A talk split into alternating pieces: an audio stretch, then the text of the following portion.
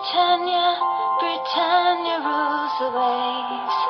Britons never, never, never shall be slaves. Oh, Britannia, Britannia rules the waves.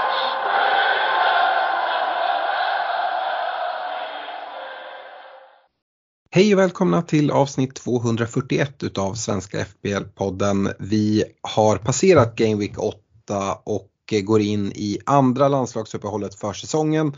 Eh, Premier League tar paus, det gör inte vi.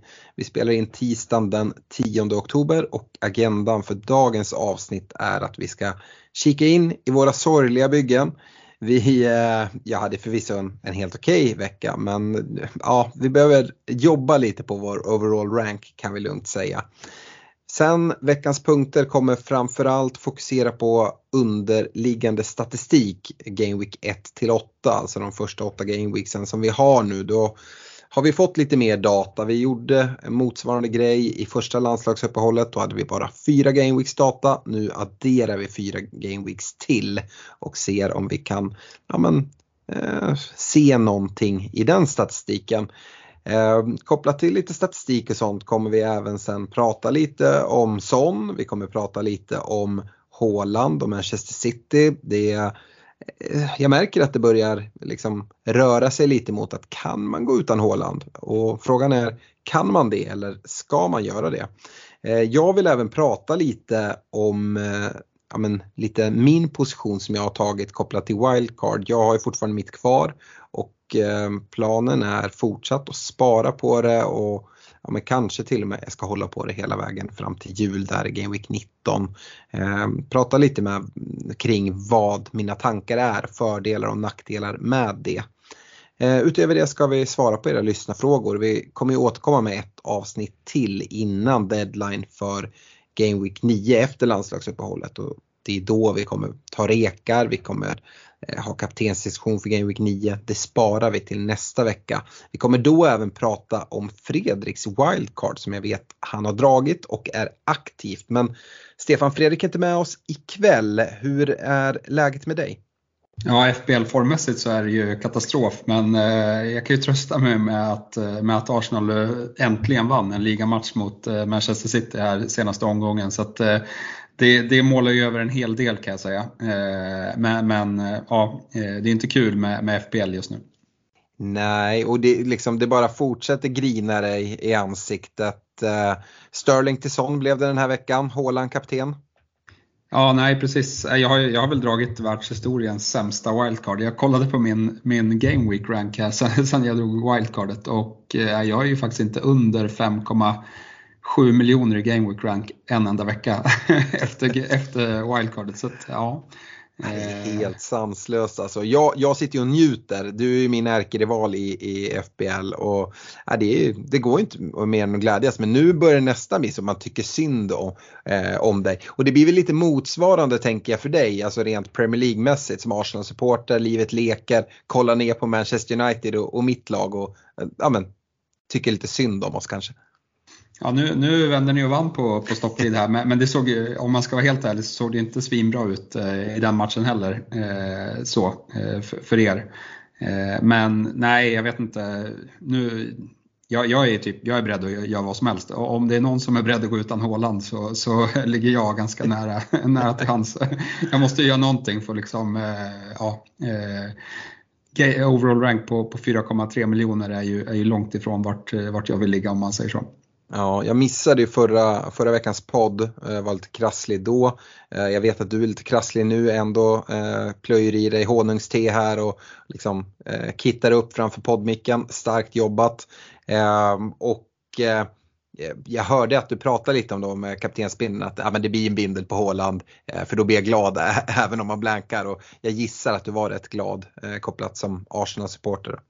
Ja, absolut. Det var ingen, det var ingen strålande match eh, för, för den objektive, men, men, det spelar inte så stor roll när man, när man slår Manchester City. Eh, så det får se ut hur som helst. Det, det var väl jäkligt eh, imponerande eh, försvarsspel dock från, från Arsenals sida. Stängde ner City eh, betydligt, även om de inte var svaga. Ja. Så, så, ja, men även om de var svaga så, så eh, ja men så är det, är det cred eh, skulle jag säga. Eh, Rice visar, eh, liksom, eh, om vi pratar fotbollsmässigt, vad, vad viktig han kommer vara för, för Arsenal den här säsongen. Eh, så. Eh, men, men eh, ja, nej, rent fantasymässigt så det var en, det var en liten halvgardering med, med binden men ja, kolla på mitt lag, liksom, jag fick en offensiv return på, på mina mittfältare och anfallare och den kom från en Madison assist, resten blanka. Så att, ja, det hade inte spelat så stor roll vart jag satt bindan faktiskt. Nej, nej, så är det. Eh, kul den här veckan var ju att vi hade tre olika bindlar på oss tre i podden. Du gick på Håland, Fredrik gick på Madison, jag eh, gick på Sala. Eh, jag fick ju såklart bäst utdelning då på Sala och jag skrev till er innan att ah, det känns verkligen som att Eh, jag har gått på det bästa, bästa, bästa kaptensalternativet men det kommer ju skita sig bara för det. Det gjorde det ju inte och ni skrev själva då snabbt att ja, hade vi haft Salah hade vi också bindlat honom. Um, så jag är glad att jag fick utväxling på det. Det var ju ett minus 4 byte för mig. Eh, jag kan säga kort bara, du tog 36 poäng den här gameweeken. Totalt 426 poäng och en overall rank på ja, 4,3 miljoner ungefär. Uh, Sterling blev sån. Uh, och jag vet inte, hade du gjort det bytet om du hade fått garanti på Sterling start? Det var, det var en väldigt fin match mot Burnley. Eh, men det var ju också så här, kommer han starta, kommer han inte starta? Nej, men det var väl, eh, det var väl den osäkerheten. Eh, sen var det lite så här eh, att han kom loss med 16 pinnar mot Sons eh, blank. Det, de hade liknande underliggande statistik. Eh, den kändes rätt oturlig. Eh, men, eh, nej, men jag tänkte väl Störling ska ändå ut, sämre spelschema efter landslagsuppehållet. Jag vet inte om han får starta så det var han som skulle bytas. Jag, jag behöll, ja men det är väl Rashford är ju den som ligger närmast till att och byta, bytas ut i övrigt men jag tyckte liksom, jag kan inte byta ut honom med Brentford och, och Sheffield kommande två.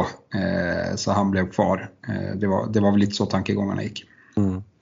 Eh, Fredrik tog 59 poäng, totalt 452 poäng, en overall rank på 2,3 miljoner ungefär. Han gjorde Saka till Son, Saka kom ju inte till start här. Hans, han hade väl något rekord där på G, något form av rekord med antal Premier League-starter. Eh, får han börja om och börja samla matcher igen. Eh, men han tog, tar in Son men han sätter binden på Madison och det blev ju, blev ju ett bra drag eh, för honom. Eh, som du nämnde fick eh, Madison eh, kom iväg med en return i alla fall till skillnad från Son. Den såg jag faktiskt inte komma. Jag, jag känner mig inte lika bekväm med att bindla Madison för, jämfört med Son. Men ja, det föll väl ut i det här fallet i alla fall och som jag nämnde så har Freddan ett aktivt wildcard just nu som jag lite sådär i vår Messenger-tråd har ifrågasatt. Jag förstår inte wildcard-läget i Game Week 9 utan det känns mer som att antingen drar man i Game Week 8 eller 10. Men eh, jag vet inte om du har några tankar kring det Stefan? Nej, alltså jag kan tänka mig att han har ganska liknande lag som mig och det ser ju fint ut på pappret eh, eh, nu inför, inför nästa Game Week. Eh, så jag hoppas ju att man kanske kan komma iväg med en, en grön pil då. Mm. Eh, men eh, annars är det kanske lite att eh, det rör sig ganska mycket i spelarpriser och att det kanske är lite panik från, från den, eh, den biten att, eh, att det är ett ganska stort swing som kan bli eh, med, ja, med många som tappar i värde och, och många som går upp i värde.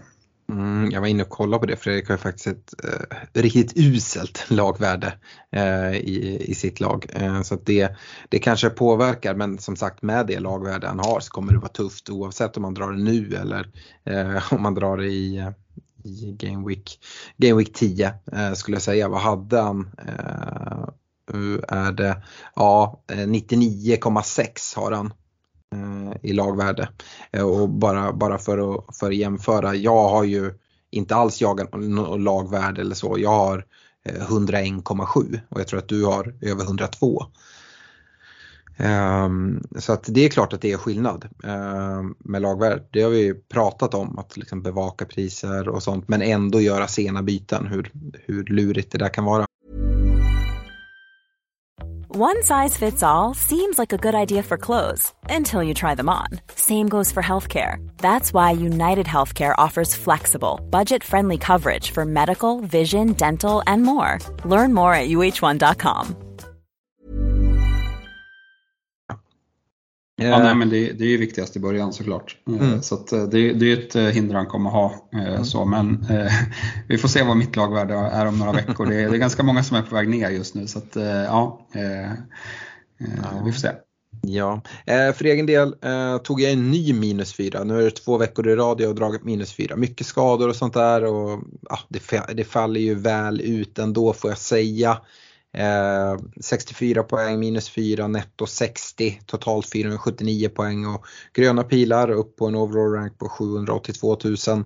Långt ifrån där jag vill vara, men som sagt med wildcard kvar och jag vet inte, det känns, det känns som att 782 000 i världen, ja men det är ju rätt bra. Men det är ju bara för att jag sitter och poddar med dig, dig och Fredrik och jämför mig med er. Men jag vet det är många, många som, som kämpar lite faktiskt med, med sin rank. Jag tror att man kommer kunna klättra ner den där hyfsat om man bara ja, men fortsätta spela på eh, som, som jag har gjort hittills. Eh, jag plockade ju ut Rashford och Estupinian, eh, plockade in Salah, satte binden där, plockade in Cash. Eh, och ja, men där skyddar jag lite lagvärde eh, med den minus fyran. Eh, laget för Game Week 9 ser um, så här på förhand väldigt bra ut och har inget planerat byte. Men då har vi ett landslagsuppehåll och vi vet att det kan komma ännu mer skador. Så vi får väl se vad som händer men det hade varit fint att spara ihop ett byte där för mig som, eh, som inte ska, ska dra ett wildcard här i Game Week 10, 11, 12 här eh, inom kort. Eller tanken är inte så i alla fall. Um, så så är det. Uh, Stefan du sa att ditt lag också såg ganska bra ut inför Game Week 9. Har du eh, kollat på på något som du skulle vilja göra med, med ditt fria byte eller hoppas du också att eh, liksom, skadegudarna ska vara snälla och att du ska kunna spara ett byte? Ja men det är typ om inte Håland går sönder så kommer jag inte göra något byte. Mm. det, jag är nästan inne på att eh, det är läge att dra eh, benchboost eh, om mm. alla är hela. Eh, men, det får vi se, Bottman är ju, är ju borta just nu. Mm. så, men alla mina backar har bra matcher mm. i alla fall. Och sen, ja men du vet ju benchboost, där tycker vi att det är ganska mycket, mycket flyt som, som är involverat och kan man komma runt, liksom iväg med 15-20 pinnar så, så är inte det hela världen. så. Men, men jag vill väldigt gärna spara ihop ett byte för och, ja, men jag håller egentligen alla, eh, alla dörrar öppna eh, framåt eh, Game Week 10 sen. Eh, det kommer troligtvis bli ett fattigmans eh, BC där, minst två byten i alla fall. Eh, och, och liksom, ja men det är min, min eh, lite saladörr som, som står på, på glänt. jag har inte bestämt mig riktigt där och, och Eh, Eh, ja, men ska man få in Sala så, så eh, är det ganska jobbigt eh, rent pengamässigt så, så då luktar det en minus fyra om man ska in. Ja, alltså jag har ju löst det nu men jag har ju dragit två minus fyror redan. Men ja, nu är han ju inne i bygget. Jag har dessutom 1,3 på banken. Eh, så att laget ser ganska fint ut. Eh, det, mm, jag kommer behöva gå till, jag, jag, vill få in Saka här med, med Arsenals fina spelschema eh, från Game Week 10. Får vi se. Martinelli öppnas ju också upp som ett alternativ faktiskt. Vi får väl se. Men jag har ingen Arsenal-tillgång. Dit ska man väl gå eh, tänker jag. Och så eh, tror jag man kommer behöva, behöva vända sig mot Brighton också eh, inom kort. Så att det är väl lite sånt som jag spanar på framåt och jag tror att det är dit wildcard-lag kommer gå när man drar i, i Game Week 10. Men wildcard-snack ska vi ha mycket i nästa vecka när Fredrik ska få försvara sitt wildcard-beslut och lite, ja, men, höra lite hans tankar om, om, eh, om sitt lag. Eh, vi har väl även pratat om att köra någon Discord. Vi brukar göra det när wildcard dras och Eh, Eh, det är ju tillgängligt för er som är Patreon. Eh, stötta oss gärna via patreon.com svenska FPL. Vi eh, ska ju nu Eh, innan Game Week 9 även lotta ut eh, ja, pris till tre vinnare. Vi har ju lanserat eh, lite ny merch, ölglas, whiskyglas och shotglas i, ehm, hos Netshirt. Eh, så vi ska lotta ut sådana glaspaket där man vinner ett ölglas, ett whiskyglas och ett shotglas till tre stycken Patreons. Så blir man Patreon innan deadline för Game Week 9 så är man med i den utlottningen. Eh, stötta oss gärna där. Ehm, annars Stefan ska vi hoppa in i veckans punkter och eh, då med fördel börja med statistik som vi brukar göra så här när det är landslagsuppehåll. Yes, men eh, det ska bli riktigt gött att grotta ner sig lite i statistiken och, och som vanligt kollar vi, bryter vi upp det försvarare mittfältare, anfallare. Eh, lite på ja, men vad den underliggande statistiken säger när det kommer till förväntad målinblandning eh, och, och liksom lite andra saker som vi kan ta med oss. Och ja, men ska man börja på försvararna så, så är det ju liksom bara Matty Cash, wow, mm. eh, vilken, vilken säsong han gör. Eh, de går dessutom in i ett väldigt, eh, väldigt fint spelschema här så att han känns ju som en, en riktig måste-spelare just nu. Han toppar, han toppar då statistiktabellen med 3,8 i expected goal involvement eh, och bakom tvåan som är Trippier på 2,6 eh, efter, det här är statistik från de första eh, åtta mm. gameweeksen. Eh, så liksom förväntad return ungefär varannan match på, på, eh, på Matty Cash, det känns ju eh, ja, men riktigt, riktigt spännande. när dessutom det kommer lite nollor då och då från, från Villa och ja, men det som står ut är väl att hans expected goal involvement är på 3 vilket är sjukt högt faktiskt för att vara back. Han, han kollar vi liksom övriga på listan så är det, ja, men det är Dunk som kommer ett på 1,3 i expected goal. Det är han som är tvåa. Så ja, ja men Cash, Cash har ju spelat lite out of position och det har väl bidragit. Men sen även när han spelar i sin liksom, ytterbacksroll så har han ju mandat att bara bomba på framåt. Eh, och Villas fina spelschema gör ju också att det är läge att gå dit. Jag drog ju minus fyra förra veckan och plockade in honom eh, tillsammans med Salah då. Eh, och det känns rätt bra. Känns också som en riktig bonusmagnet. Ja, det, det, vet jag inte om statistiken backar upp lite, men, men det är klart, eh, eh han, han ligger väl bra till om han kommer iväg med offensiv return och eh, Eh, och att det kommer en nolla på det. Så att, eh, eh, men liksom någon bonusback så att han plockar massa BPS, det, det är ingenting jag ser i statistiken i alla fall. Nej. Eh, så eh, annars är det väl liksom, det är ett gäng spelare som kommer bakom Trippier, eh, eller bakom Cash på på, då är det då Trippier 2 2,6, Chilwell 2,4, eh, Estopinian 2,3 och eh, Dank på 2,2 och eh, Ajer får väl plocka med på sexan också på 2,0.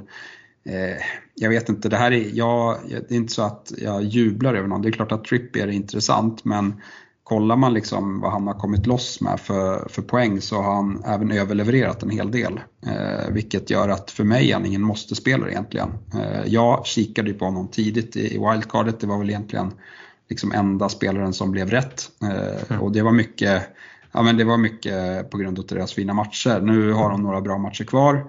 Eh, men, men sen så, så vänder det till, till det sämre eh, igen. Eh, och liksom med den överleveransen så vet jag inte. Nu är han uppe på 6,8 i, i pris. Det är ganska mycket. Eh, så ja, han är en bra, han är en bra tillgång men, men inget måste på något sätt. Eh, jag kollar ju, eller jag håller ju fortfarande dörren öppen och göra han till Estopinian eh, igen som var planen. Eh, hela tiden när Trippiers matcher blir sämre så, så finns Estopinian där. Nu är Estopinian skadad för tillfället eh, men, ja, men givet att han kommer tillbaka och, och ser ser fortsatt bra ut när Brighton har bättre matcher så, så tycker jag att man bör kika ditåt.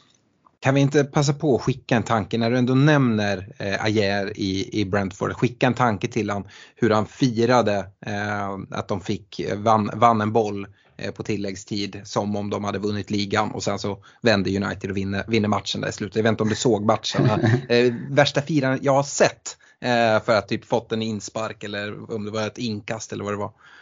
Ja, nej, eh, han är nog inte fullt lika, lika nöjd eh, när slutsignalen eh, går. Jag, jag, jag noterade faktiskt den, det, det firandet också. Så. Men, men ja, ska man, vad ska man säga? Jag tycker, jag vet inte, jag kan nämna de andra. Det är Porro, Andrew Robertson, Boly, Doughty, Romero, Varann. Liksom det, men det är för lågt. Det, det är inga, och Trent är inte ens med på listan kan, kan vi nämna. Eh, så, så, så jag tycker att i övrigt så är det inte jättemycket att, att skriva hem om. Eh, jag nämnde Trent, det kan ju såklart vara en chansning, mm. och, men det är ju mycket på grund av Liverpools spelschema skulle jag säga här och nu. Eh, och, och, det finns ingenting i statistiken som visar på att Trent skulle vara, vara bra att gå på offensivt sett. Så då, men det är klart att Liverpool skulle eventuellt kunna komma iväg med någon nolla och det är inte otänkbart att att han gör en assist men för mig är han långt eh, bort eh, i, i, tankarna eh, just nu, mm, skulle, skulle jag säga. Ja, nej, just priset gör ju att man, alltså, även om Liverpools schema är bättre, jag ser inte nollorna rasa in sett till Liverpools försvarsspel. Vi såg det senast nu mot Brighton hur, ja men det är ju, det är ju katastrof där. Uh, och ja, jag tror att de kommer fortsätta, det är klart de kommer liksom kunna ha någon nolla här och där. De har ändå ja, men, kanske ligans bästa målvakt och ja, men, med bra spelschema så kommer säkert någon nolla trilla in. Men jag skulle vilja ha gamla Liverpool som liksom radar upp nollor. Eh, och dessutom med trends, om vi kollar tillbaka när vi har gjort de här statistikkikarna eh, liksom föregående år, då vi, hittar vi alltid trend, ja, med typ högst upp, kanske liksom topp 2, topp 3. Mm. Eh, och nu inte ens med på liksom topp ja vad vet jag, 15-lista. Det, det, det, liksom, det, går inte att liksom argumentera för det priset. Är man Liverpool-supporter och har någon feeling för honom, ja, men, ta en chansning på det om du har liksom pengar över. Men du behöver göra så stora uppoffringar just nu. Vi pratar om det med lagvärde och folk håller på och kollar, kan man få in Salah, Haaland och eh, Son och kanske Trippier. Men, ja, jag vet inte vart man ska få ihop de här pengarna ifrån. Då behöver du gå utan ja men Håland som vissa kikar på sådär och det ska vi prata om senare och det är inte min rekommendation. Nej, nej jag håller helt klart med. Men, men övrigt tycker jag att man kan notera ja, men som en Porro som har mm. glidit upp här på, på sjunde plats. Det tycker jag ändå är intressant för att många gick på Udogi eh, från Spurs i början. Nu har ju Tottenham väldigt fina matcher. Här och nu skulle jag gå för Porro. Eh, för dels lite eye-test, jag, jag satt och kollade på dem eh, här mot Luton och, och det är ganska uppenbart att, i alla fall när det är Charlie som spelar, att han liksom från vänsterkanten får, får dra sig in eh, liksom i, i straffområdet vilket gör att eh, och, och, på andra kanten så, så är Kulusevski ganska brett och att eh, liksom Porro kommer in innanför honom eh, vilket gör att ja, han kommer i väldigt fina ytor.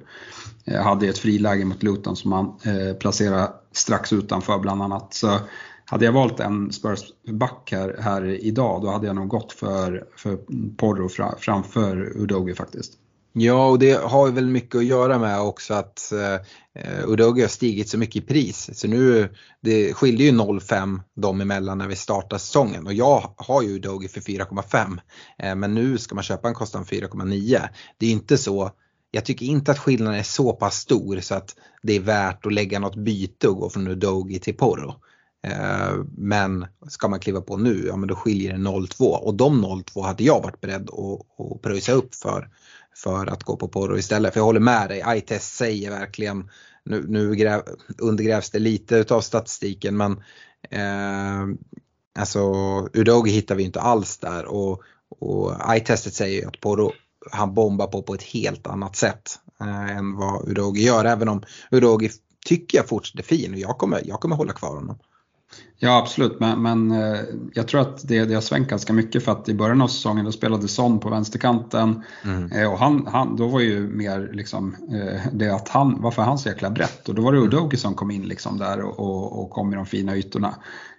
Så att, men, men, nu verkar han ha tweakat på det där Ange och ja, det förändrar ju en hel del i, i fantasy. Jag hade inte mm. heller gjort sidledsbytet.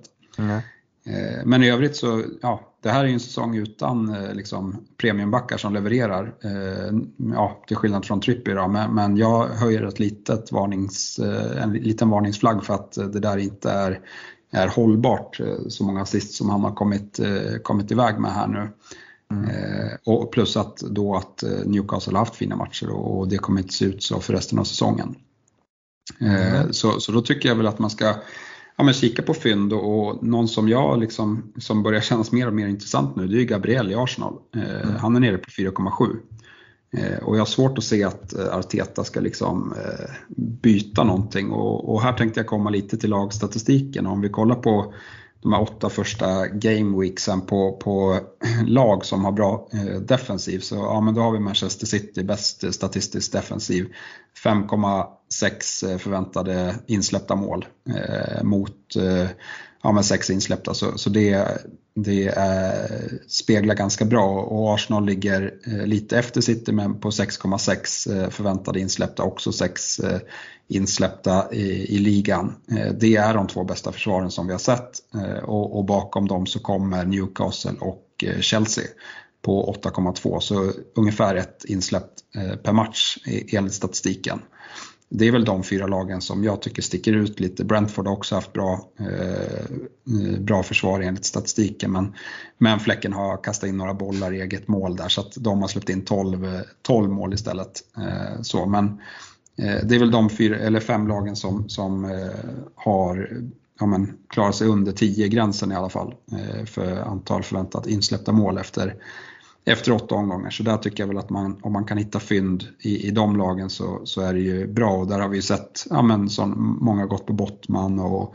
och Burn och Kär och liknande i, i Newcastle. Eh, även en del som har Colwill och, och eh, sådana backar i Chelsea. Så ja, Gabriel för, för 4,7 eh, nu när Arsenal ser, ser stabila ut bakåt tycker jag, tycker jag är intressant. Ja, det är just bara stanna upp. Det här är inte någon statistikmässigt. Finns det någon oro eh, liksom, eh, från dig som Arsenal-supporter att, att Gabriel kan få problem med, med platsen om det är så att man liksom börjar spela Partey igen eh, och att liksom Ben White ska kliva in. Partey har ju varit skadad och borta en del. Men, eller är det Saliba Gabriel som kommer spela där nu tror jag? Men det har sett så bra ut nu eh, defensivt sett så att jag, jag har svårt. Det är väl, det är väl problematiken är väl om Sinchenko är borta eh, och liksom att man inte har någon som man känner sig bekväm med och invertera där och att man tycker att Gabriel inte håller. Men jag tycker att han har varit riktigt bra här nu efter det landslagsuppehållet han var iväg på. När han, han debuterade för Brasilien i, det, i förra landslagsuppehållet och jag tycker han har sett riktigt fin ut. och, och ja, men kanske lite bättre med bollen eh, än tidigare också. Eh, slår ganska många fina, fina långbollar som har hittat, eh, hittat bra adress. Så. Eh, mm. Men, men nej, jag tycker att han känns, känns intressant faktiskt för 4,7. Mm. Eh, eh, försvarare som inte har nämnts nu men som, som ändå det börjar pratas lite om och med all rätt tycker jag. Jag tycker att det är intressant. Det är ju ett spelschema som händer för West Ham eh, och de har ju ja, men, dels en liksom fasta fotspecialist i, i Ward Prowse så därför man kan gå på Zuma eller något av mittbackarna men även Tjeckien Sofall eh, gör det ju eh, väldigt, väldigt bra. Nu att de, att de inte är med i statistiken, ja, men det kan också ha att göra med det oerhört tuffa spelschema de har haft eh, de första åtta gameweeksen. Men kollar man in i det nu så ser det ju väldigt, väldigt fint ut framåt. Eh, jag vet inte om du har några siffror där på på exempelvis Sofall eh, eller hur, hur ser det ut? Inga siffror på Sofall men jag noterar ju att eh, det kan ju bero på att West Ham har mött bra lag. Men, mm. men eh, de har bara släppt in 12 mål. Mm. Men enligt förväntad, förväntade statistiken så borde de ha släppt in 16,5 mål. Så att de är faktiskt ett av de lagen som har, har överlevererat på sin, sin defensiva statistik allra mest. Så, så det är väl lite negativt då. Eh, Sofall, jag kan se om jag kan hitta honom någonstans. Det är ändå, ändå som sagt värt att skjuta in där att de har överlevererat. Eh, och det tackar ju alla Ariola-ägare för.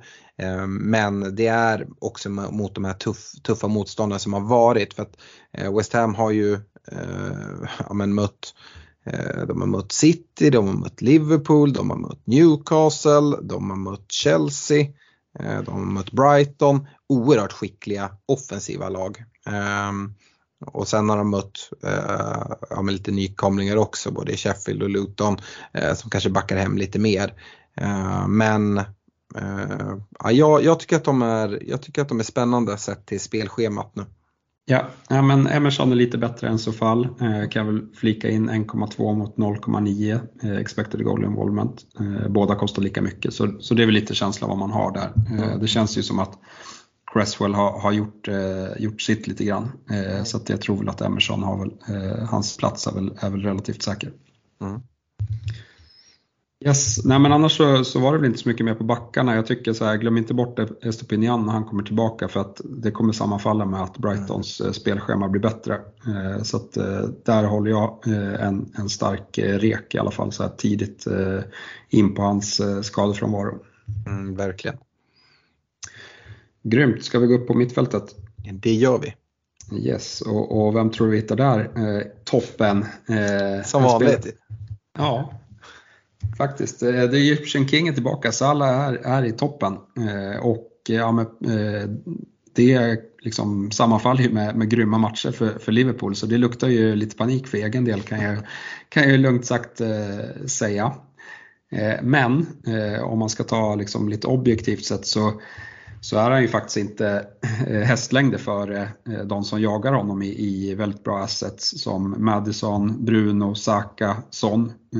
är väl de primärt som, som jag skulle säga jagar honom och då pratar vi expected goal involvement på, på 5,6. Vi ska nämna här att det här är utan straffar också så att man får Eh, ta det i åtanke. Vi vet ju att Salah är straffskytt. Det är även Bruno, Saka och Son, eh, vad vi tror. Är Saka det?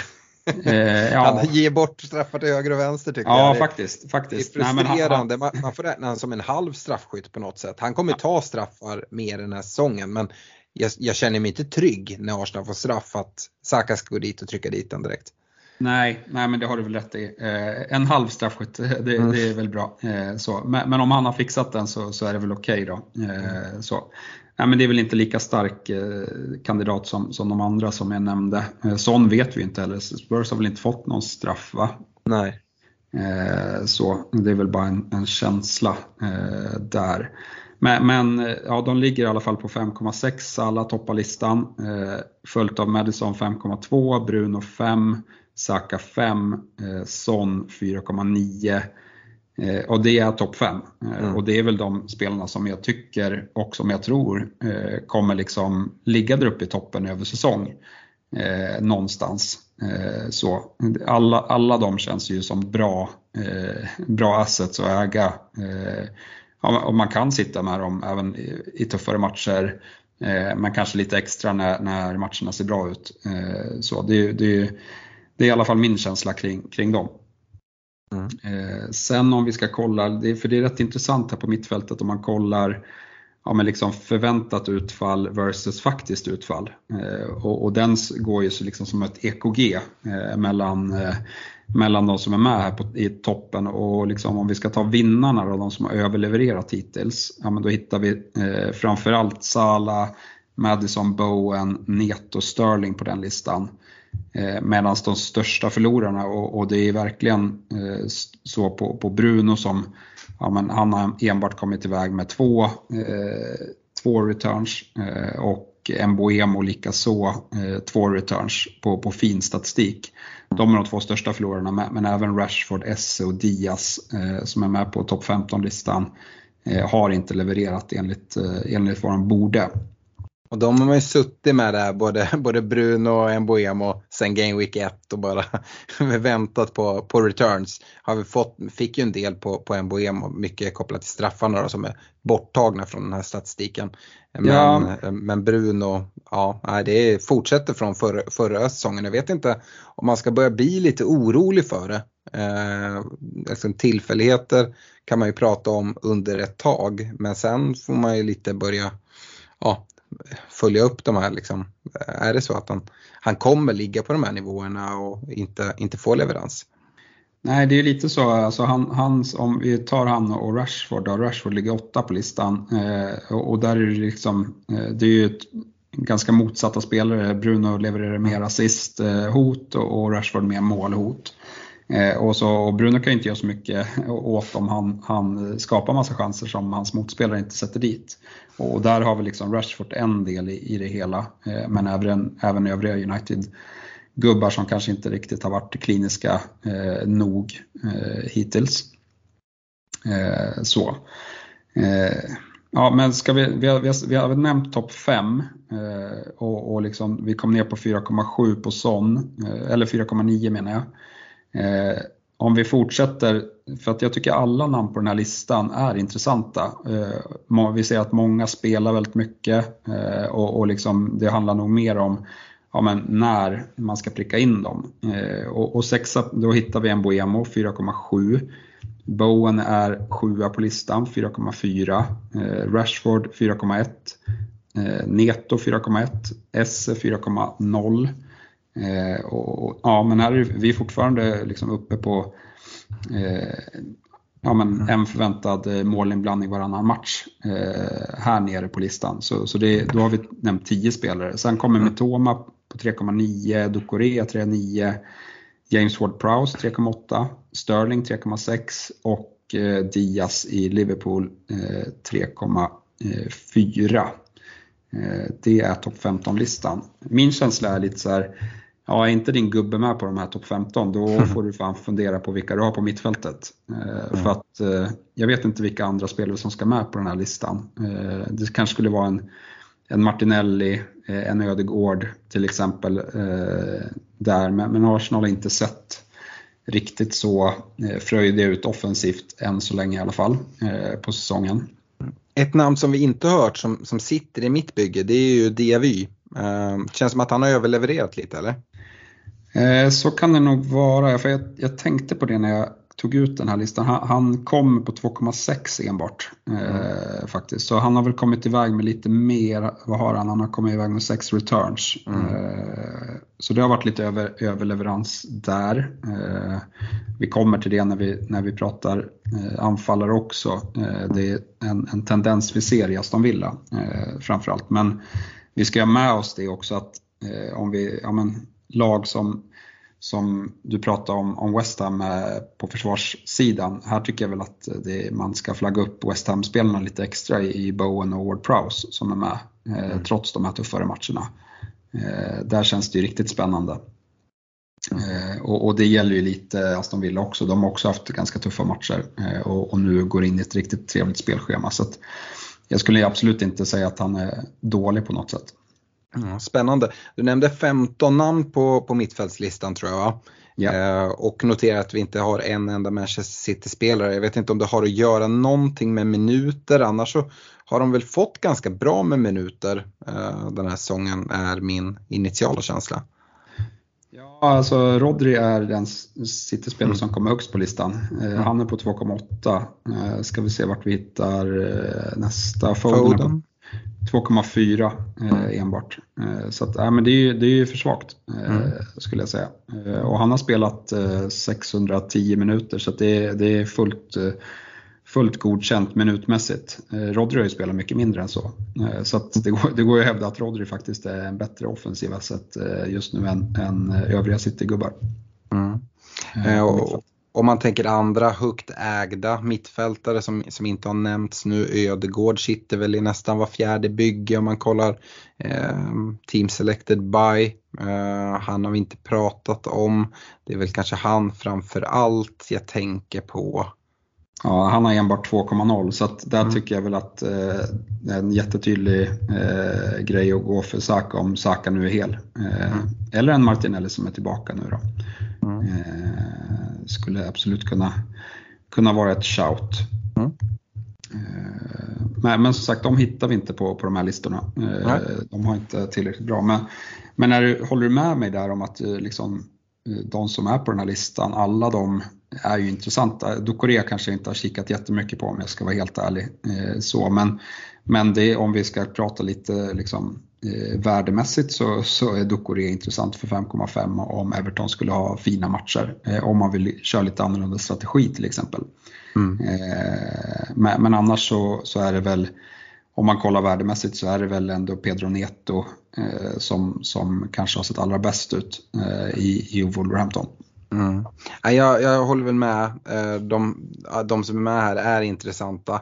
Jag skulle väl inte helt vilja skriva, skriva av det vi kopplat till, till Villas spelschema. Jag vet inte om det är att de sitter i mitt bygge eh, ändå. Även om det har varit överleverans och, som med bättre spelschema och, och eye-test så, så tycker jag att det ändå är, är, är spännande att sitta med honom. Och en annan liksom Eh, budgetspelare som, som vi inte har nämnt. Eh, du nämnde Neto, det är ju, det är Gordon. Eh, han har fått dela speltid med Barnes, Barnes är borta nu så han kommer få spela mer. Jag tycker det finns, man behöver inte få panik för att vi inte nämner hans, hans namn här. Ändå. Det är fortfarande en okej okay spelare att sitta med kan jag tycka. Ja, nej men precis. Han är på plats 17 så han, han, har, mm. han har faktiskt levererat. Uh, han har inte fått, han kommer få mer minuter som du är inne på också mm. uh, med tanke på skadorna. Så yes, jag tycker att han är, han är intressant. Han borde nästan letat sig upp på, på listan över uh, antal minuter där men, det gjorde han inte. Mm. nej men annars så, jag vet inte vad man ska säga. Det, det är lite än så länge så är det lite så här eh, tillfälligheter vem som har, eh, om man har prickat rätt på de som har överlevererat eller om man har suttit med de som har underlevererat. Mitt mittfält har ju varit helt katastrofalt dåligt eh, sen jag drog wildcard. Jag är ganska nöjd med backlinjen och forwards men mittfältet är ju eh, ren och skär eh, katastrof. ja, men du, du har ju precis som, som jag också suttit dubbelt med United mittfältare. Och ja, det har ju inte fallit väl ut. Dels har inte United Eh, varit så bra som åtminstone jag hopp, hade hoppats. Eh, men sen har de ju också båda underlevererat sina, sina faktiska siffror. Ja, nej men precis. Det är väl, det är väl en stor anledning. Eh, eh, kanske framförallt Bruno då, eh, men, även Rashford till, till viss del. Rashford här kanske man ändå hade haft en hopp, förhoppning med tanke på han, den formen som han visade upp i slutet av förra säsongen, att han skulle ligga med i toppen på den här listan. Eh, mm. Och det har han ju inte gjort hittills. Så jag vet inte, jag blev lite orolig här senast. Jag vet inte, hur, hur tar du på den utbytningen i 60, 62 eller vad det var? Det, det, känns ju som att någonting inte står helt rätt till där. Nej, och det har ju till och med börjat viskats, det gjorde det inför den här matchen, att kommer Rashford få en bänk bara för att liksom lite så wake-up call från, från Ten Hag. Eh, finns ju alternativ eh, med, med Garnacho där till exempel att han kan få starta så får Rashford hoppa in istället. Lite för att ge honom en örfil och bara hej nu är det dags att vakna till. Och jag tror att vi kan komma och se det eh, här just kopplat till att det finns, finns bra alternativ. Eh, jag tror inte att det är alltså att Rashford på något sätt kommer liksom sitta och nöta bänk. Men eh, att han kan få en bänk en match bara för att se om det kan få honom att vakna till. Ja absolut fullt rimligt. Och eh, även så här, det är för att få honom att vakna till. Men är det så att han fortsätter få starter Eh, och inte leverera så tror jag absolut att vi kan se han bytas ut. Och det är också kopplat som sagt till att det finns det finns bra alternativ på bänken på hans position som kan gå in. Dessutom får United eh, börja få tillbaka lite skadade spelare eh, nu här som gör att konkurrensen blir, blir än hårdare. Eh, tänker väl framförallt på, på unga Amad Diallo som kanske inte är en startspelare men som absolut om man kör fast en gubbe som man kanske vill, vill kasta in. Mm. Nej, men jag, jag, är faktiskt ganska orolig som, som ägare där. Eh, jag tycker att han har sett uppgiven ut eh, mm. och, och, det är nog, nog ingenting som, som Ten Hag upp, eh, uppskattar att, att man börjar se uppgiven ut på plan. Mm. Och, och liksom, vi får se om han får starta mot Sheffield. Det kanske är bättre att han blir bänkad och blir förbannad och kommer in i, i slutet. Jag vet inte. ni, ni avgör ju sent uppenbarligen. så så, men, men, jag vet inte om det är så mycket mer att säga kring, kring mittfältarna. Det är väl dags att, att avhandla forwards eh, kan jag tycka. Mm, absolut. Jewelry isn't a gift you give just once. It's a way to remind your loved one of a beautiful moment every time they see it. Blue Nile can help you find the gift that says how you feel and says it beautifully with expert guidance and a wide assortment of jewelry of the highest quality at the best price. Go to BlueNile.com and experience the convenience of shopping Blue Nile, the original online jeweler since 1999. That's BlueNile.com to find the perfect jewelry gift for any occasion. BlueNile.com. Burrow is a furniture company known for timeless design and thoughtful construction and free shipping, and that extends to their outdoor collection. Their outdoor furniture is built to withstand the elements, featuring rust proof stainless steel hardware, weather ready teak, and quick dry foam cushions. For Memorial Day, get 15% off your Burrow purchase at burrow.com slash ACAST and up to 25% off outdoor. That's up to 25% off outdoor furniture at burrow.com slash ACAST. Eh, och här är ju så att eh, ja, men vi hittar ju Håland eh, ganska överlägset eh, först. Eh, det tycker jag är lite intressant för att eh, det, det är ju en del som börjar byta ut han. Nu, gick, nu sjönk han i värde. Eh, här för någon dag sedan så han är nere på 14 igen. Eh, vilket indikerar att folk byter ut han. Och, och, kanske för att få in Salla på mittfältet istället.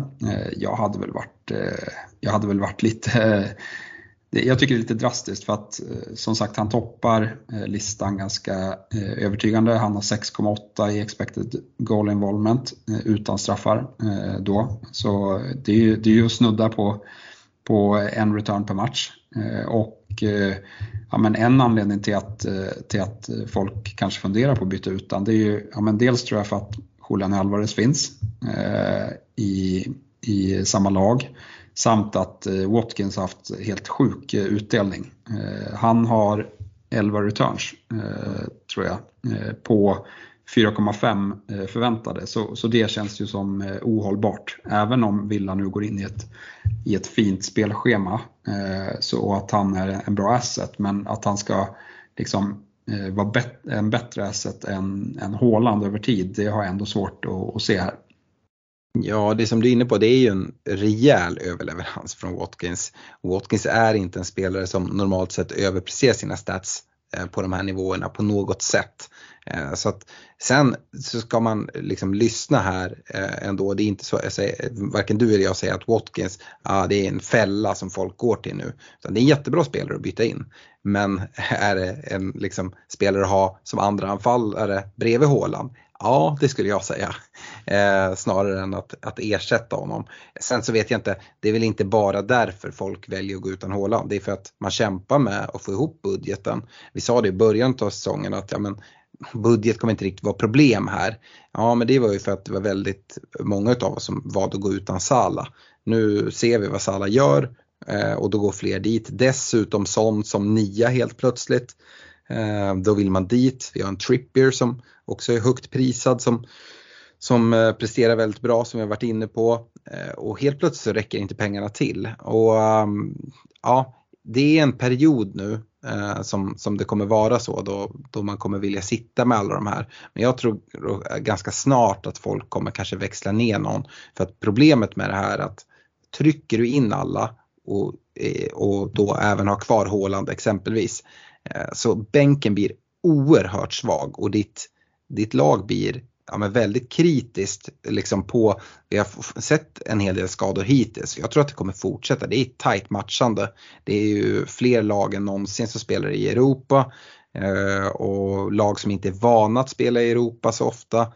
Eh, jag tror eh, liksom de som trycker in alla de här eh, dyra spelarna i sina wildcard, där de gör eh, uppoffringar, det är ja, dels på några i sin startelva, men framförallt bänken där du i stort sett har ja, icke-spelande spelare.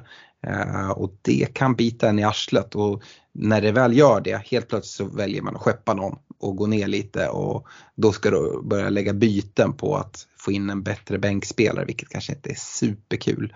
Så ja, jag, jag förstår också att man eh, gör någon uppoffring för att eh, ha en okej okay bänk och det tycker jag faktiskt är rätt rimligt. Det ska bli kul att se vilken väg eh, Freddan går i sitt wildcard med sitt låga lagvärde dessutom kopplat till sina bänkspelare. Det får vi höra nästa vecka. Ja, nej, men jag, jag håller med. Eh, min uppoffring hade ju varit eh, att gå utan Trippier. Det är första uppoffringen jag hade gjort. Mm. Sen eh, liksom i mitt fall, när jag har inte wildcard kvar så jag kommer inte få ihop det så bra. Men, men, för mig blir det väldigt intressant liksom vägval med Sala versus mm. icke-Sala. Och, och, jag har inte bestämt mig där från Game Week 10 och framåt. Men ja, men som jag var inne på på mittfältet, det finns ju väldigt bra alternativ på mittfältet man har råd med allihopa eh, om man inte har Sala. Eh, men, det, men det är just den stora eh, asterixen om man inte har Sala. Eh, mm. Så, så, den tycker jag också blir ett intressant vägval. Men här och nu så hade inte jag eh, gått från Håland eh, på, heller på, på långa vägar. Nej. Men, men ska vi ta listan så, så är det, ja, jag nämnde Håland 6,8 Eh, och, och, det är ju faktiskt eh, eh, vår svenska anfallare som nummer två nu, eh, Alexander Isak. Eh, 4,8, så två bakom Håland. Eh, följt av Jackson 4,6, Watkins 4,5. Det är de fyra bästa. Sen har vi Julian Alvarez på 3,8 som, som femma en bit bakom då, de som utmanar Håland. Men, men det är väl primärt där, eh, de som har levererat, men jag tycker även man ska nämna en, en Darwin Nunez eh, till exempel som har fått eh, sparsamt med speltid, eh, enbart spelat 334 minuter. Han kommer på 3,5 eh, vilket eh, står sig väldigt väl om man, om man tar in minuterna i, hänseende. Eh, och sen ska vi väl nämna en, en Evan Ferguson eh, som också har spelat lite eh, med 3,0. Kan vi se någon, liksom att han börjar få mer speltid så, så tycker jag att han också får, får slå sig in i den kategorin av anfallare som kan vara intressanta med mer minuter. Om vi eh, ja, kollar rent liksom, förväntad målinblandning per minut så, så toppar faktiskt Nunez listan på, på 90, av var 96 minut så, så förväntas han ha en målinblandning. Isak kommer trea med 101, eh, Wilson är på 101, Haaland först på 104. Så att där finns det ändå forwards som, som trumfar Haaland eh, när, det kom, när man tar in minuterna i, eh, i det hela. Mm.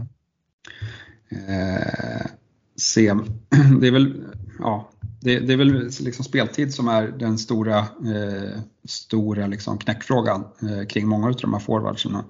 Kanske, jag tänker på en Julian Alvarez också, nu har vi sett han bytas ut lite mer. Mm. Eh, kommer han få fortsätta spela så mycket som han har gjort? Eh, jag vet inte. Eh, hur känner du kring, kring Alvarez? Jag tycker att det, jag har väl varit sådär, jag, när alla bytte in Watkins och jag satt kvar med Alvarez så ser jag fortfarande inte Alvarez som en problemspelare. Att hitta en så här eh, billig offensiv City-spelare som dessutom inte håller på och konkurrerar om de dyrbara mittfältsplatserna som tar Citys i stort sett alla fasta situationer. Alltså, jag tycker man behöver inte göra det svårare än så. Det är en bra FPL-asset eh, och jag sitter gärna kvar med honom mm. och har han och Haaland. Eh, sen så här, ja, i ett wildcard, ja men jag förstår att man går på Watkins före, före Alvarez då. Men alltså jag sitter rätt nöjd med Alvarez. Det är, det är väl min känsla i alla fall just nu. Ja, Nej, men jag håller nog med eh, och, och, jag önskar att, att, att det kommer vara det utfallet också för, för Watkins är nog en spelare som jag inte kommer, kommer få in eh, till, till deras match, matcher. Eh, så. Sen annars är det väl Jackson som är fortsatt det stora liksom, samtalsämnet här eh, kring hans målform. Men det här är ju liksom fortsatt, han har ju varit borta lite så det är väl fortsatt kopplat till hur det såg ut i början av säsongen. Eh, så. Eh, men, men, hans stats håller ju fortfarande upp eh, väl eh, i jämförelse med, med andra forwards. Han kostar 6,9 nu. Eh, jag såg en statistik, Chelsea är faktiskt det enda laget som har vunnit alla sina matcher på förväntad eh, mål. Mm. Alltså har, har positiv delta förväntade mål mot förväntade insläppta i, i samtliga omgångar. Eh, så att statistiskt sett så har faktiskt Chelsea levererat. Om, om vi liksom ska jämföra dem med United så, så, så har ju Chelsea sett, sett bättre ut men inte fått med sig utdelningen. Eh, Medan United har, har sett rackiga ut och det har gått eh, lite, lite rackigt. Eh, det, det är väl någonting jag tar med mig från, från Chelsea i alla fall. Mm. Och samtidigt var vi inne på United-gubbarna att de liksom underlevererar sina stats. Eh, men, men som, som Jackson där tycker jag gör det väldigt enkelt. Nu, nu fick han ett mål senast och det skulle inte förvåna mig att det kanske trillar in något mål lite mer. Alltså att han fixar till den här statistiken. Jag var inne på det eh, när jag satt med honom i bygget. Vi pratade om det i podden att eh, kollar vi liksom hans förra säsong i, i eh, Villarreal och La Liga. Då var han en av ligans absolut bästa liksom på, på att konvertera sina chanser. Eh, så att jag tror att han kommer fixa till de där siffrorna lite över säsong. Men det är ju inte läge att gå till honom nu. Eh, det är väldigt enkelt, både han och trots Sterlings fina liksom poängskörd fantasymässigt här i, i matchen mot Burnley. Nu vänder ju Chelseas spelschema ordentligt och det är bara läge att hålla sig borta tycker jag oavsett om det gäller Jackson eller Sterling. Eh, och sen så får vi se sen eh, Eh, när, när schemat vänder tillbaka nästa gång om eh, de liksom, det är väl framåt där. Mm, ja, Game Week 15-16 kanske. Eh, och liksom hur har Chelsea sett ut då mot de här tuffare motståndarna och Jackson helt plötsligt ja, men börjar liksom leverera på sina siffror eller kanske till och med eh, eh, prestera på dem. Jag tror att, jag tror att Nkunku är tillbaka i, i träning. Eh, kan det vara att det kommer igång Chelsea? Då kanske vi kollar dit. Men nu med det här spelschemat när de ska liksom möta Arsenal, Spurs, City, Newcastle, Brighton United bara på liksom efter varandra. Ah, det är inte läge att gå dit och, och sitter man där är det läge att kliva av tycker jag. Ja, nej, men jag håller med. Eh, det var väl det med, med spelarstatistiken. Eh, jag vet inte om du har något mer att säga kring forwards. Jag, jag, nämner faktiskt inte de som är, som är med här på övriga på listan. Jag tycker inte att, eh, ja, men den, om man ska ta den, den budgetforward som har presterat bäst, som ändå har säkra minuter, det skulle vara Dominic Solanke. Han kommer sexa på 3,6, eh, kostar 6,4 men jag menar det är 600 000 upp till, till Julian Alvarez. Jag har svårt att och motivera det eh, mm. faktiskt. Ja, och någon som inte som har 0 plus 0 i, i Premier League som anfallare som ändå eh, ja, men jag verkligen gillar är ju Höjlund i, eh, i United. Um, han fick inte spela i början så han har ju mindre minuter men han har ändå inte liksom de här, ex, eh, de här expected siffrorna i samma nivåer som, som en Darwin Nunez eller sådär som också har, har kämpat med lite speltid. Men jag tycker att det ändå är en spelare att, att kolla lite mot och samma, samma där, där är ju spelschemat fortsatt bra. Så att ja, man kan absolut hoppa på där som en, som en pant men just nu är inte den underliggande statistiken riktigt där. Men jag tycker iTest säger en annan sak där. Ja, ja men det, det är en bra spaning, eh, absolut.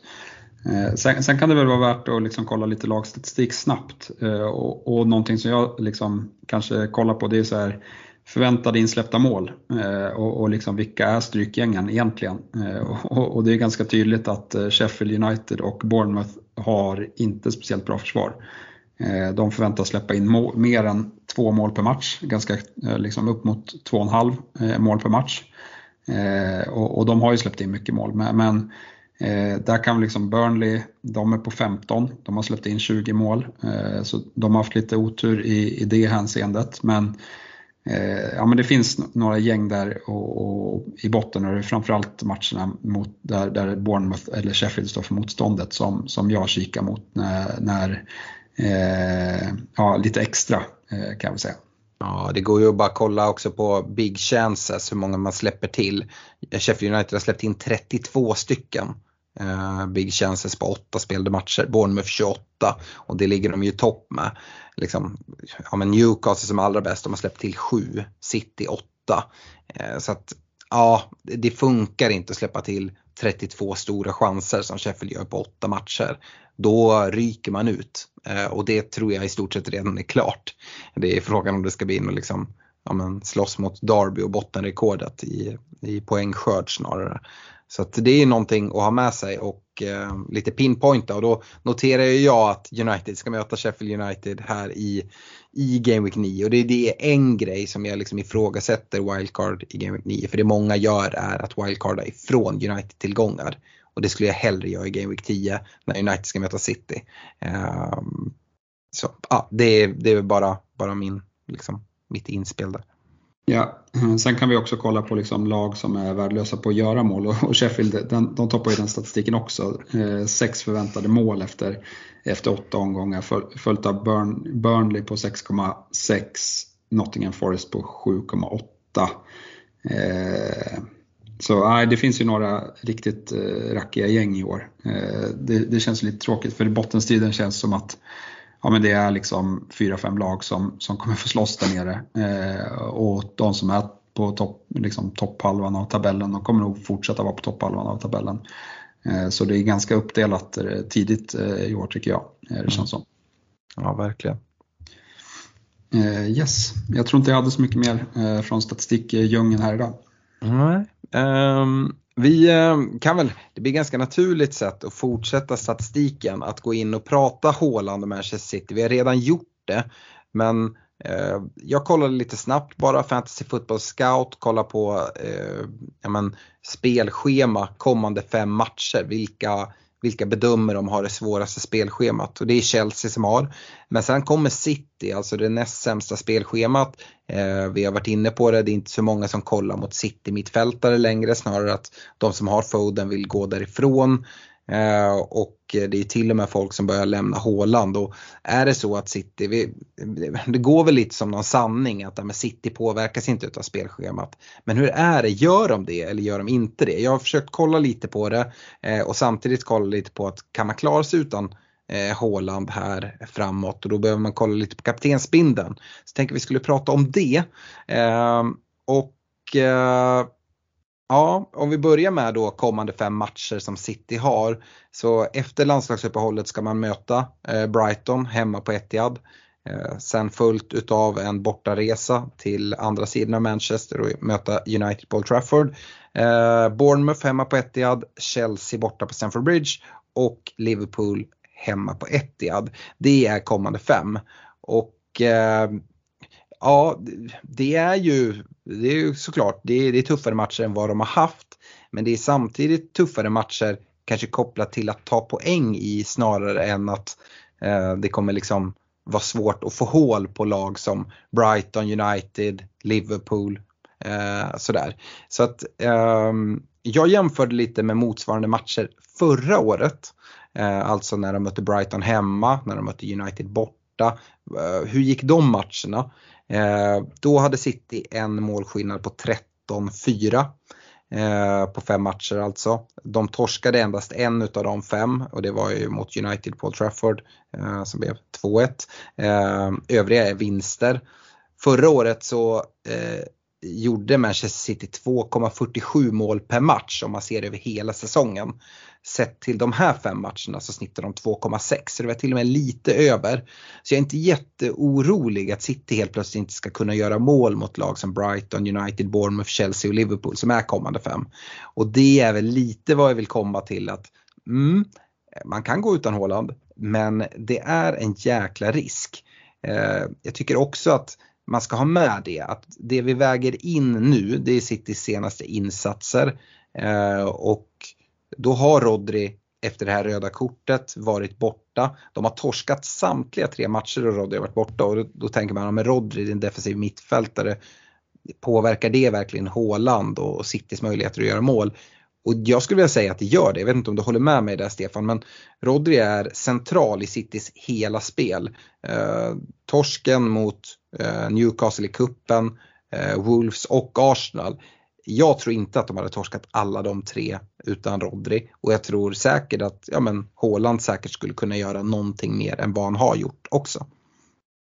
Ja, nej, jag kan väl, jag har ju kollat ju såklart mest på Arsenal-matchen och det var ju ganska uppenbart att de fick inte mm, liksom med Haaland i spelet. Det kändes som att de lite blev fastlåsta i, på en kant i anfallsspelet och där har man ju sett liksom Rodri få bollen, slå liksom en fantastisk cross på andra sidan, de får lite mer tid och yta på sig. Så att, eh, och, och det, det, känns inte som att liksom Kovacic och, och de som har spelat i mitten riktigt har, har grejat eh, samma, eh, samma, samma grej för, för City. Så att deras anfallsspel har ju blivit lidande av att eh, Rodri är borta. Tills, eh, kanske tillsammans när, när Kevin De Bruyne är borta som också är en bra spelfördelare. Eh, mm. liksom Foden som har vikarierat lite där, han kanske lite mer tar bollen själv och, och liksom lyckas lite då och då men, men rent för spelets sätt så, så tror jag att avbräcket när båda de är borta blir ganska stort. Mm. Och jag tror att många som gick wildcard Game Week 8 utan Håland redan liksom sitter och, och liksom firar att åh, oh, ser han blanka och folk bindla. Du till exempel Stefan bindla honom där mot Arsenal. Men det var ju också den tuffaste matchen skulle jag säga. Vi var inne på det i liksom lagstatistiken att Arsenals defensiv, ja, men den är där uppe i nivå med City och Newcastle. Nu ska de möta Brighton, om vi säger Game 9. Alltså, det finns inte en soffa i världen som är så stor som jag skulle vilja gömma mig bakom. Alltså Brighton, Brighton har noll eh, hållna nollor den här säsongen. 16 insläppta mål. Förvisso eh, ett liksom, eh, delta som liksom, de har expected goals conceded på 14,1 men det är liksom inte en jättediff ändå. Eh, jag ser mål i den matchen. Eh, men United har förvisso eh, två nollor eh, men då vet vi att en av dem är i liksom premiär mot Wolves så den vet vi att det skulle inte varit en nolla på något sätt. Uh, United har släppt in 12 mål och det är ungefär deras expected siffror, siffror också, 12,23. Uh, eh, sen är det Bournemouth, uh, de har en hållen nolla och släppt in 18 mål, alltså fler än Brighton. Och då har de ändå släppt in mindre mål än vad deras expected siffra säger. Eh, både Brighton och Bournemouth är dessutom hemma på Etihad. Det är kommande tre, det är Brighton, United, Bournemouth. Sen ska man säga det att ja, men absolut, Chelsea har ju hållit tre nollor och har liksom ja, men sett mer stabilt defensiva ut än vad jag trodde. Eh, och det är en bortamatch. Ja, men det kanske inte är en match man behöver bindla Håland i. Men Ja, jag, jag, jag varnar verkligen för det här. Eh, och eh, kollar också mot, mot kaptensalternativen. Eh, och då om vi kollar eh, nu Game Week 9 så har jag varit inne på det att Holland har ju Brighton hemma. Och visst, det finns fullgoda alternativ. Om vi kollar kanske framförallt nu, det är väldigt, väldigt få som skulle bindla United-spelare även fast de har Sheffield United. Eh, men Salah har Everton hemma, Son har Fulham hemma. Ja, det är, det är bra matcher och det finns alternativ nästan varje vecka. Eh, när Haaland har United Paul Trafford som, som ja men, kanske, man kan väl eh, orda om det är en tuff match eller inte. Då, då har Salah Forest hemma. Saka i Arsenal har Sheffield United hemma. Så det finns alternativ men Eh, jag håller ju Haaland som bästa kaptensalternativet i, i Game Week 9 nu som kommer närmast. Jag håller honom också som bästa alternativ i Game Week 11 eh, då Haaland har Bournemouth femma. Och eh, då kan man kolla som salägare att ja, men det är Luton borta. Ja absolut och det är ju en fullgod kaptensalternativ. Men jag går hellre på Hollands hemmamatch där. Sen får man ju se vad som händer eh, i Game Week 9 och 10 innan vi kommer dit. Men med den info vi har just nu så gillar jag Håland hemma mot Bournemouth mer än Salah borta mot Luton. Eh, och så kan man fortsätta liksom när man, när man går framåt också. Eh, den, den gameweeken där Chelsea borta i Gameweek 12, då behöver man inte vända sig dit med binden. Då har Salah Brentford hemma eller Saka har Burnley hemma. Ja, det är ju liksom bra matcher att gå till. Så det finns alternativ. Eh, men man kommer också vilja ha tillbaka Håland någon gång. Det är jag ganska säker på. Och frågan är eh, det är ju de flesta som, som, eh, som kliver ifrån Holland nu, de gör ju det med ett wildcard. Eh, och det är ju ett enkelt sätt då att sprida pengarna och liksom bygga upp allting. När man sen ska ta tillbaka inte riktigt lika enkelt. Det krävs ju typ att man ska byta ut Salah. Och så kollar jag på Liverpools spelschema och säger ja, och när vill man då byta ut Mohamed Salah om det fortsätter som vi tror, vi kollar på den underliggande statistiken där där eh, Salah är i topp bland mittfältarna och vi tror att de ska takta igång. Alltså jag har svårt att se, alltså det är ju liksom Ja det är när vi kommer framåt jul där då. Som man kanske kan tänka sig att lämna Sala. Men eh, Ja, jag, jag vet inte riktigt. Eh, Stefan, eh, du är ju inne på samma spår som mig, det hör jag, att gå utan, gå utan Håland, det är inte ett riktigt alternativ. Men har du också gjort något så här i överslag, du väger ju om du ska plocka in Sala eller inte, då antar jag att du också har lekt lite med kaptensbindeln, när skulle du vilja bindla någon annan än Håland? Ja, nej men precis. Eh, jag, jag är fortfarande där. Jag tror inte att jag kommer gå utan Håland fast min rank är så pass dålig som den är. Eh, I alla fall inte nu. Eh, då, kanske det blir lite längre fram för att någonstans eh, måste jag ändå lösa när han har blank och, då kanske det är lite mer, när vi när börjar, närma oss det så kanske det är mer intressant att eventuellt ditcha Håland för att bara sticka ut jäkligt mycket. Så, men, men inte här och nu. det, det liksom får bli en, en sista utväg. Men Någonting som jag noterar, och nu är det osäkert eftersom Saka inte eh, är med i landslagsuppehållet och är skadad, så, men, men han är ju en, en, spelare som, om man nu inte ska ha Salah, så mm. känns ju Saka som ganska given. För att liksom, om det är nu mm. de matcherna mot United och Chelsea borta, ja men då är det ganska fint att sitta på en Saka som kan mm. ha kaptensbindeln i Game Week 10 och 12. Mm. Ja men verkligen. Sen det här du pratar om att kanske då senare gå utan Håland eh, runt blanken. Då ska man ju kolla vad han har för matcher runt. Han har alltså före blanken i 18 har han Luton borta, Palace hemma. Och så efter blanken är det Everton borta, Sheffield United hemma. Eh, det är väl det liksom som gör att ja, men runt blanken det att skeppa Håland. Då ska man fan ha cojones ja, nej, det kanske inte, kanske inte blir läge för att han ska dessutom ha en dubbel. Så, men han ska mm. ju liksom in igen, eh, självklart. Eh, men nej, jag vet inte. Jag vet inte. Det är väl liksom... Ja. Nej, det är svårt. Det är svårt. Nej, man spelar det här spelet exakt som man vill, men jag vill skicka ut det till folk att ni som firade Hålands blank här i, i eh, Game Week 8 eh, sätter inte framför TVn till Game Week 9. Eh, det är bara att hålla sig borta. Um, en annan spelare då som jag tänkte vi kunde prata om. Jag hade någon eh, lång utläggning om Son tidigare, att vilka matcher det är han är eh, finast att liksom sätta kaptensbindeln på. Um, och uh, jag vet inte om det var det som skrämde upp Fredrik så att han bindlade Madison före Son här i, i eh, Game Week 8. Eh, men förbannelsen fortsätter kring den mest inbytta spelaren och det blir en blank här på sån även i Game Week 8. Då ska man skjuta in också att Spurs får det här idiotiska röda kortet som Bissoma lyckas filma sig till. Eh, ja, kudos till, till domaren där för att det är ofta när det gäller andra gula kortet så tycker jag att de kan ibland bara strunta i att ge varningen för filmning. Men den här filmningen är så patetisk så att ja, jag är väldigt glad att han, han, han åker ut. Um, men nu är det sex utav sju gånger där den mest inbytta spelaren har, har blankat. Och, eh, jag var inne på det här, såklart påverkar det röda kortet. Eh, och liksom Spurs levererar innan röda kortet. De har ett XG på 1,7 innan utvisningen kommer. Men Sons XG är inte superbra alltså. Eh, för han droppar ner och istället så är det yttrarna som kommer till lägen i de här eh, lägena när, när de möter uppställda försvar. Eh, det, jag tycker att min tes fortsatt håller. Eh, Stefan, du som har sån, är det någonting som oroar dig? Nej, inte jättemycket. Eh, ja. så. Jag, jag är mer orolig, orolig för hans, eh, hans eh, ljumsk, eh, ljumske där. Mm. Eh, så, men jag tycker, nu såg jag den matchen, de, Spurs var bra i första halvlek, i alla fall i början av första halvlek. Eh, sen var de inte bra eh, med en man mindre.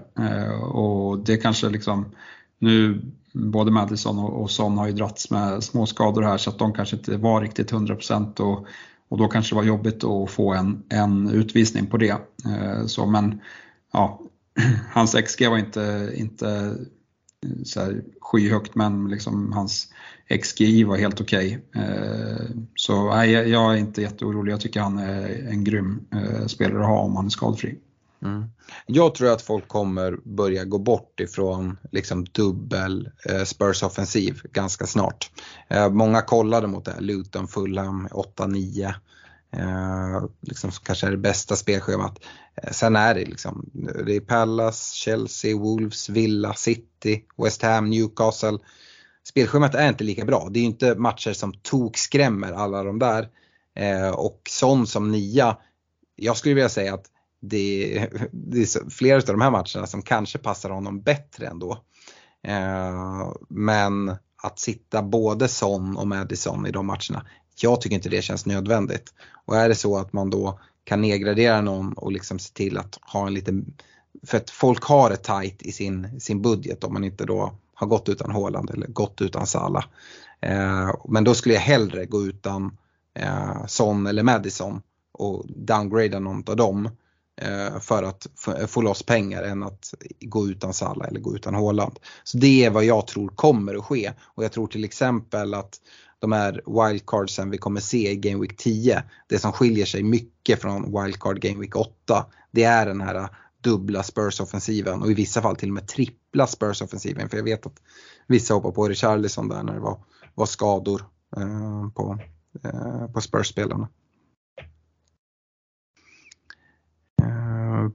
Bra. Uh, yes, vad har vi mer?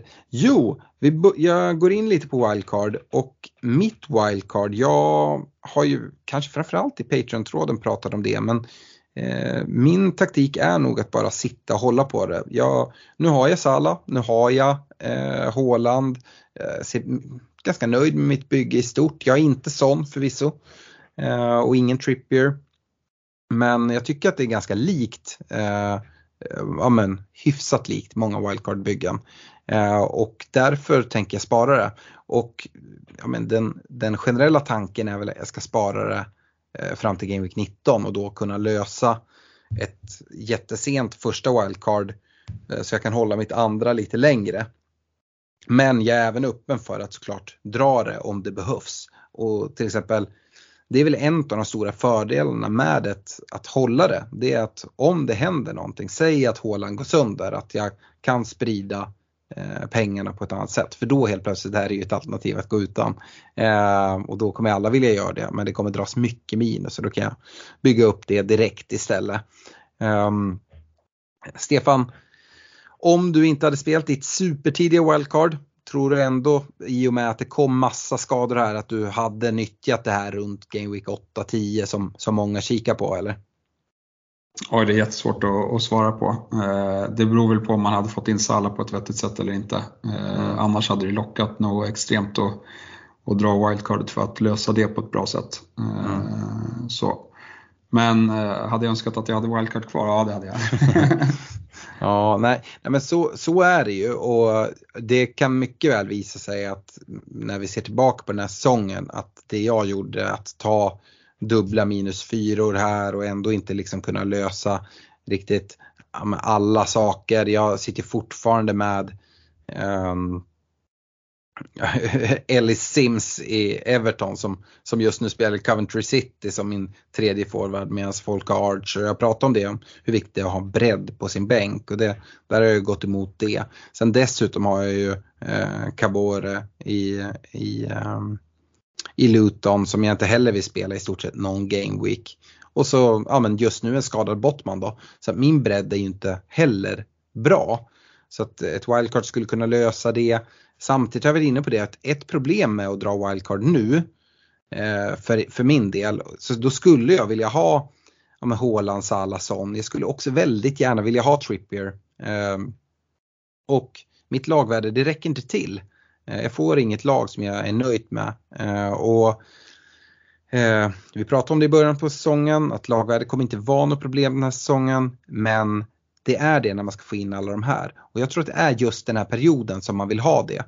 Kollar vi framåt sen eh, mot eh, där vid jul, då tror jag inte att eh, jag, jag, tror att vi kanske då kan, kan strunta i, eh, i någon av de här eh, lite enklare. Eh, vi har bland annat Sala som drar iväg på Afrikanska mästerskapen och dessutom har lite tuffare schema där omkring.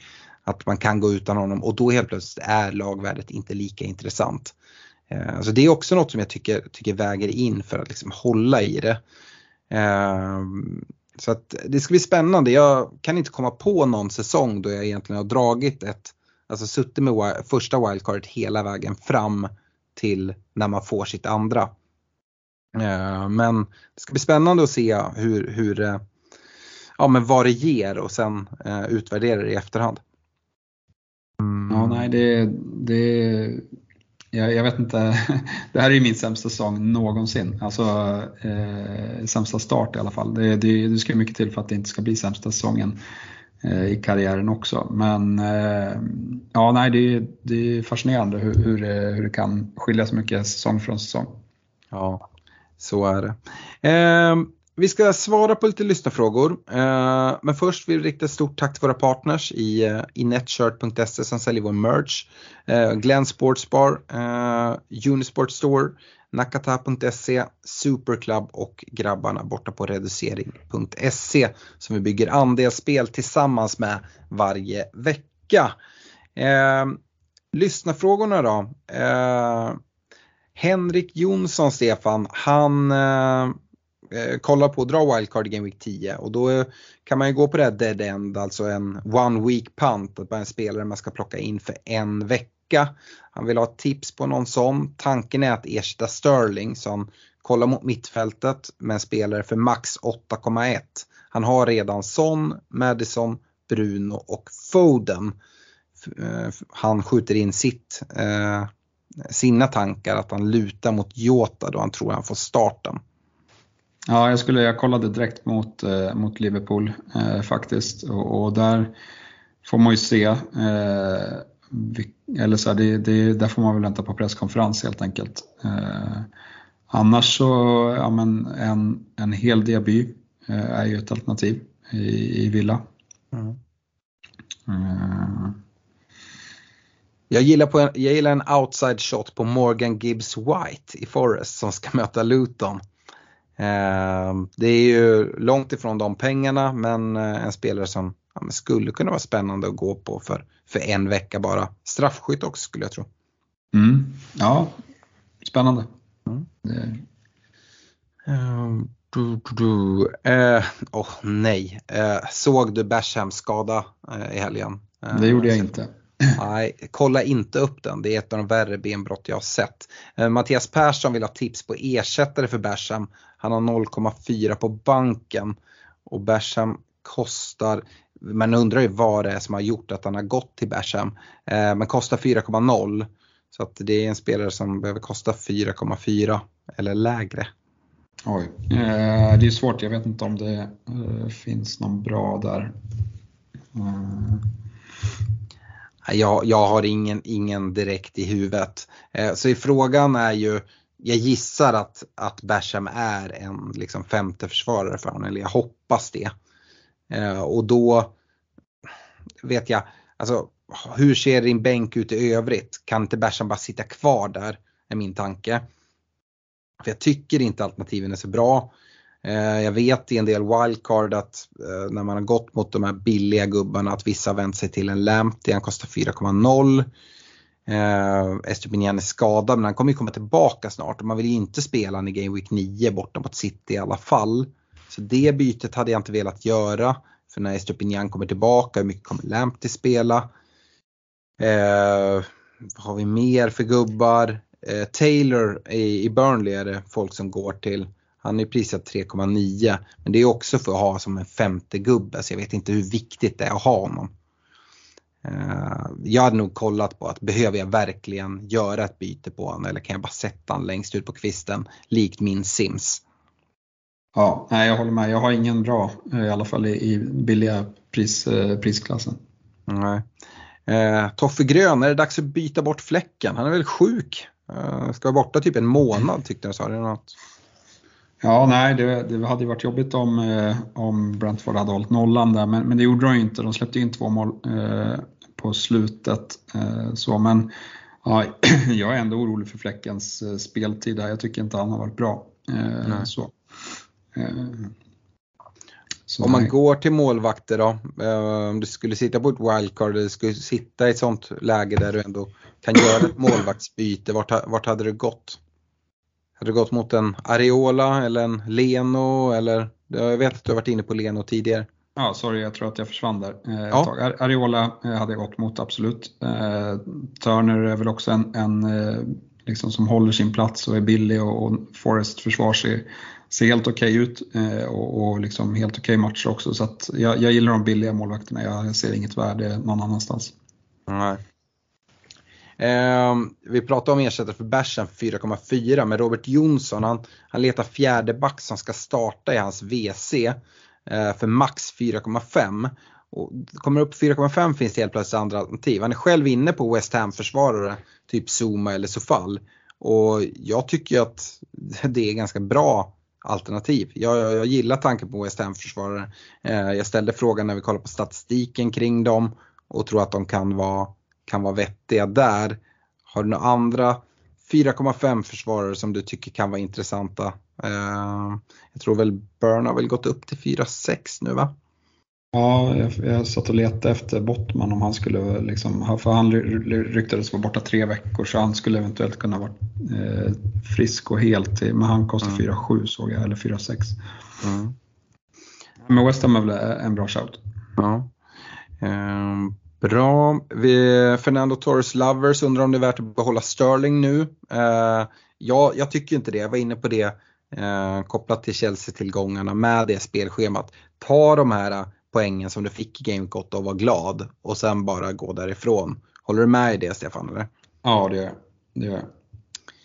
Eh, Thomas Björkman här har väl också svarat lite i statistiken men han undrar vad vi tror om Liverpool-defensiven nu när schemat blir bättre. Är det värt att gå på Robertson eller Trent eller van Dijk? Um, och som sagt att Trent inte ens ligger med i underliggande statistiken och att Liverpool ser så rackiga ut som de gör tycker jag gör att de helt går bort kopplat till deras prissättning i spelet. Ja, jag tycker också det. Sen kan det ju mycket väl bli två nollor på kommande tre eh, och jag skulle mm. inte vara förvånad. Eh, så att det är väl lite magkänsla där, eh, men jag tycker att det finns liksom mer intresse på, på annat håll. Mm. Ja men bra, då tycker jag att vi har gått igenom lite av frågorna. Eh, stort tack för att ni har lyssnat. Vi är tillbaka en gång till innan landslagsuppehållet är slut och eh, då ska vi fokusera på Fredriks wildcard. Så ja, missa inte det och vill ni hänga med hela vägen och även lyssna på lite Discord-snack närmare deadline för Game Week 9 så se till att bli Patreon via patreon.com svenska FPL. Men eh, fram tills nästa vecka, tack för att ni lyssnar. Ha det bra. Hej då! Ha det bra. Tja tja! Planning for your next trip? Elevate your travel style with Quince. Quince has all the jet-setting essentials you'll want for your next getaway, like European linen, premium luggage options, buttery soft Italian leather bags, and so much more. And it's all priced at 50 to 80% less than similar brands. Plus, Quince only works with factories that use safe and ethical manufacturing practices. Pack your bags with high-quality essentials you'll be wearing for vacations to come with Quince. Go to quince.com slash trip for free shipping and 365-day returns.